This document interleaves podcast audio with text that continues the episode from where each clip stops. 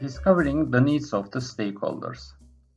Many professionals find it difficult to figure out the needs of the stakeholders. Preparation for the related activities is critical for ensuring success.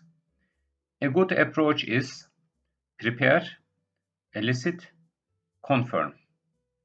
This process includes determining the elicitation approach, preparing for elicitation, conducting elicitation, and confirming elicitation results.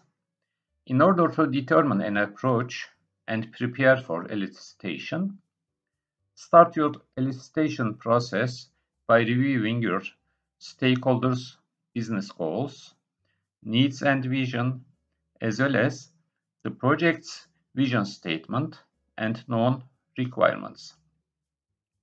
Create an environment that will encourage collaboration between participants. Creating this environment will depend on your project's constraints such as time, the organizational culture, and the resources available. Besides eliciting direct stakeholder input, seek out relevant internal documents such as those from similar previous projects, external industry-related documents, and any available reusable requirements. Reuse of source materials is cost-effective. They can be used as a point of reference and also used to validate results from other elicitation sessions. Prior to elicitation, stakeholders should be educated about what the process for and goal of elicitation are. It's important for stakeholders to understand the concept of elicitation. They should be educated about the concepts of communication and collaboration. Timing is also an important factor when conducting elicitation activities.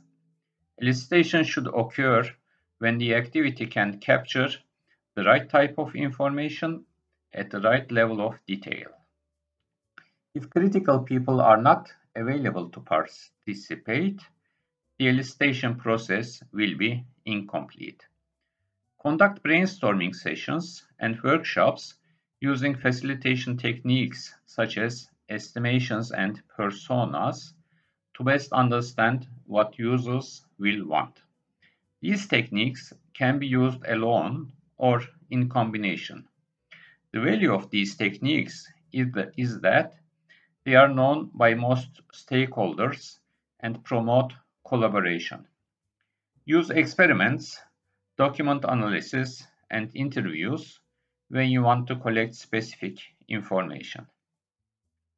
Once completed, elicitation results need to be confirmed for accuracy and completeness.